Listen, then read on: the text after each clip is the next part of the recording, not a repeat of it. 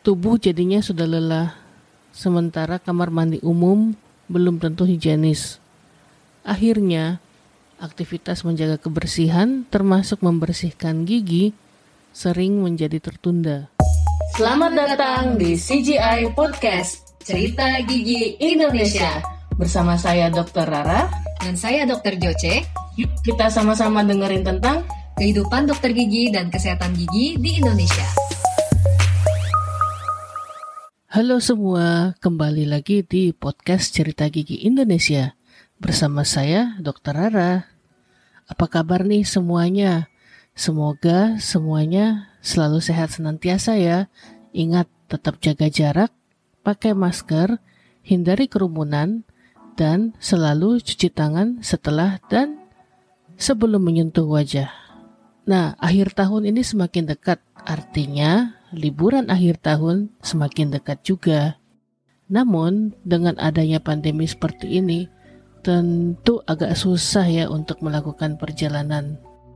Biasanya, setiap akhir tahun, saya akan melakukan perjalanan mudik ke Makassar. Tahun ini, rencananya juga akan seperti itu.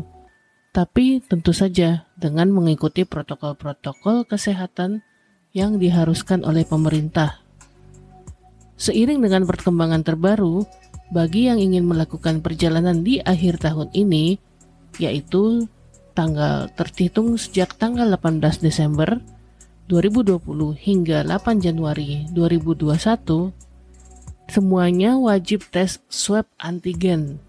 Maksimal Hamin 2 loh yang artinya paling telat atau paling lambat Hamin 2 sebelum perjalanan bukan pas hari H perjalanan atau Hamin satu keberangkatan. Bertepatan dengan tema yang diberikan dalam challenge 30 hari bersuara oleh The Podcasters Indonesia, saya ingin bercerita tentang bagaimana menjaga kesehatan gigi saat melakukan perjalanan mudik, terutama perjalanan mudik yang melalui jalan darat. Karena perjalanan mudik melalui jalan darat tentu saja memakan waktu jauh lebih lama daripada perjalanan mudik yang melalui jalan udara, transportasi udara tepatnya. Perjalanan mudik selalu memberikan tantangan tersendiri bagi kesehatan gigi dan mulut, terutama bagi teman-teman yang memilih mudik melalui perjalanan darat.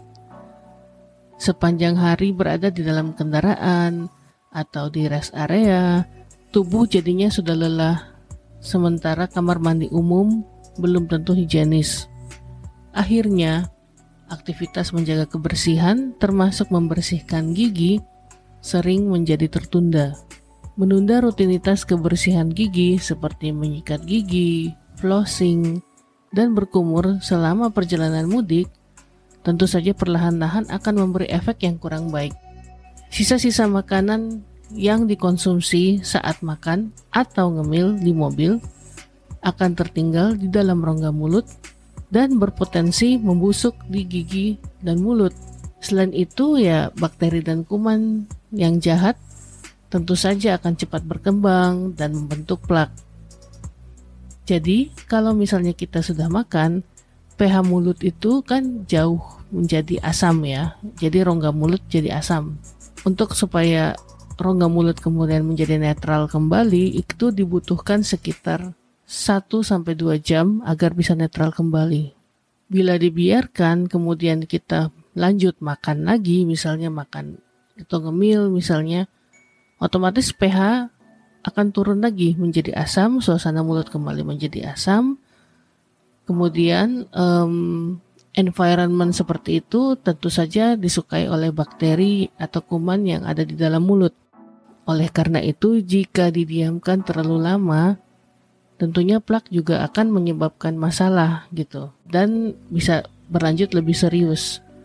Ya, beberapanya di antaranya adalah gigi berlubang, karang gigi, atau bau mulut. Dan apabila kalau ada, sudah ada gigi yang lubang, sisa makanan yang masuk ke dalam lubang gigi dan tidak dibersihkan, tentu saja akan membuat sakit gigi kembali berulah. Jika kesulitan memperoleh air bersih, coba selalu sedia sebotol air mineral di mobil untuk berkumur. Juga siapkan sikat dan pasta gigi ukuran yang kecil atau ukuran traveling yang praktis dan yang dapat cepat digunakan dalam perjalanan. Jangan lupa siapkan juga obat kumur kemasan kecil yang ringan dan mudah dibawa untuk menyempurnakan perawatan gigi dan mulut Anda seusai menyikat gigi.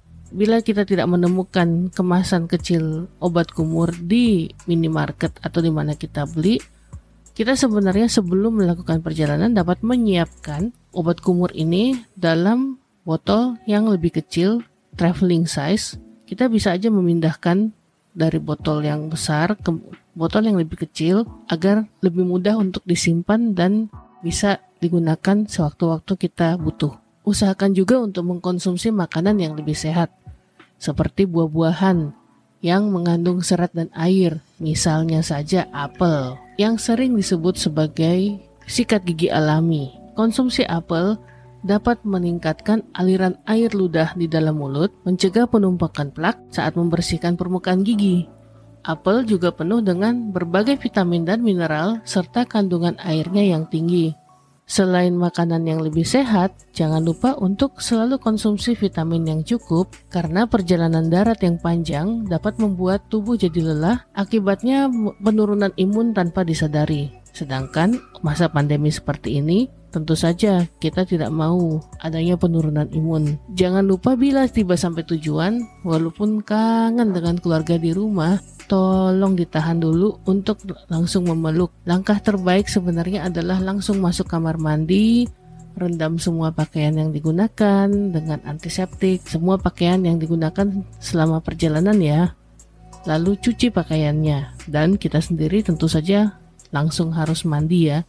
Mandi balik lagi sikat gigi dan membersihkan seluruh seluruhnya. Sebisa mungkin setelah itu melakukan karantina mandiri dulu di rumah karena kita tidak tahu selama perjalanan kita sudah ketemu virus apa saja, kita sudah terpapar dengan siapa saja. Jadi usahakan untuk isolasi mandiri dulu di rumah sebelum berinteraksi dengan keluarga. Sekian dulu dari saya di episode ini. Semoga teman-teman tetap sehat selalu, jaga jarak, hindari kerumunan, selalu cuci tangan, dan jangan lupa untuk memakai masker.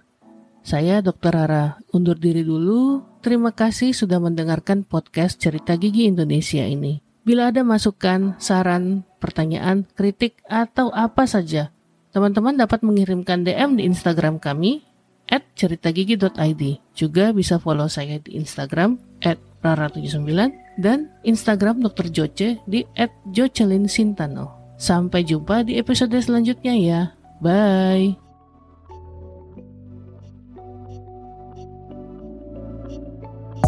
Cerita Gigi Indonesia, tempat curhat dan edukasi dari Dokter Gigi Indonesia kepada teman sejawat dan masyarakat umum. Kalau kamu suka podcast kami, subscribe atau follow dan share podcast ini ke teman-teman kamu.